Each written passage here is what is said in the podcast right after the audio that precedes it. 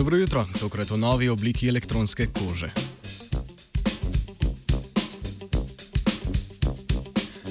Raziskovalna skupina z Univerze Colorado Boulder je v študiji objavljeni v reviji Science Advances opisala novo obliko elektronske kože. Njeni posebnosti sta sposobnost celjenja in možnost popolne reciklaže. Elektronska koža, imenovana tudi e-koža, je tanka plast materijala, ki vsebuje različne senzorje. Njen namen je oponašanje delovanja človeške kože. V zadnjem desetletju je bilo v laboratorijih po vsem svetu razvitih več vrst elektronskih kož iz različnih materijalov in z različnimi lastnostmi.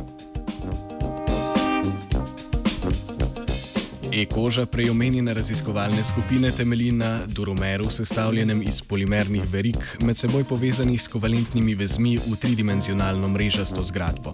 Tej so dodani nanodelci srebra, ki dajo koži boljšo mehansko trdnost, kemično stabilnost in električno prevodnost. Elektronska koža vsebuje senzorje za zaznavanje temperature, pritiska, vlažnosti in zračnega toka.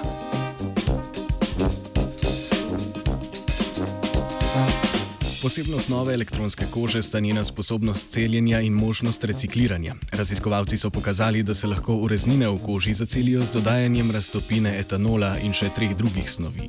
Pri tem nastanejo novi polimeri, ki poškodovane dele med seboj povežejo s kovalentnimi vezmi. Koži se pri tem vrnejo njene prvotne mehanske in električne lastnosti.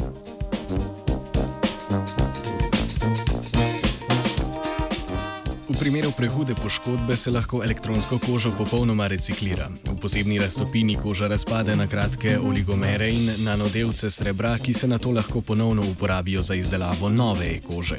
To je velika prednost tako z ekonomskega vidika, kot tudi z okoljevarstvenega.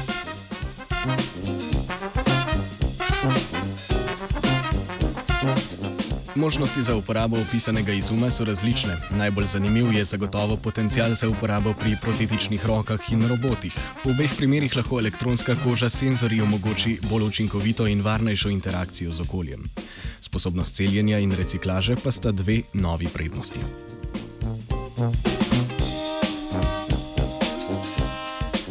Vesel, da mu je koža prav, je črt. Poslušate radio študent potegnite ga vase in ga plunte prvemu bedaku v obraz.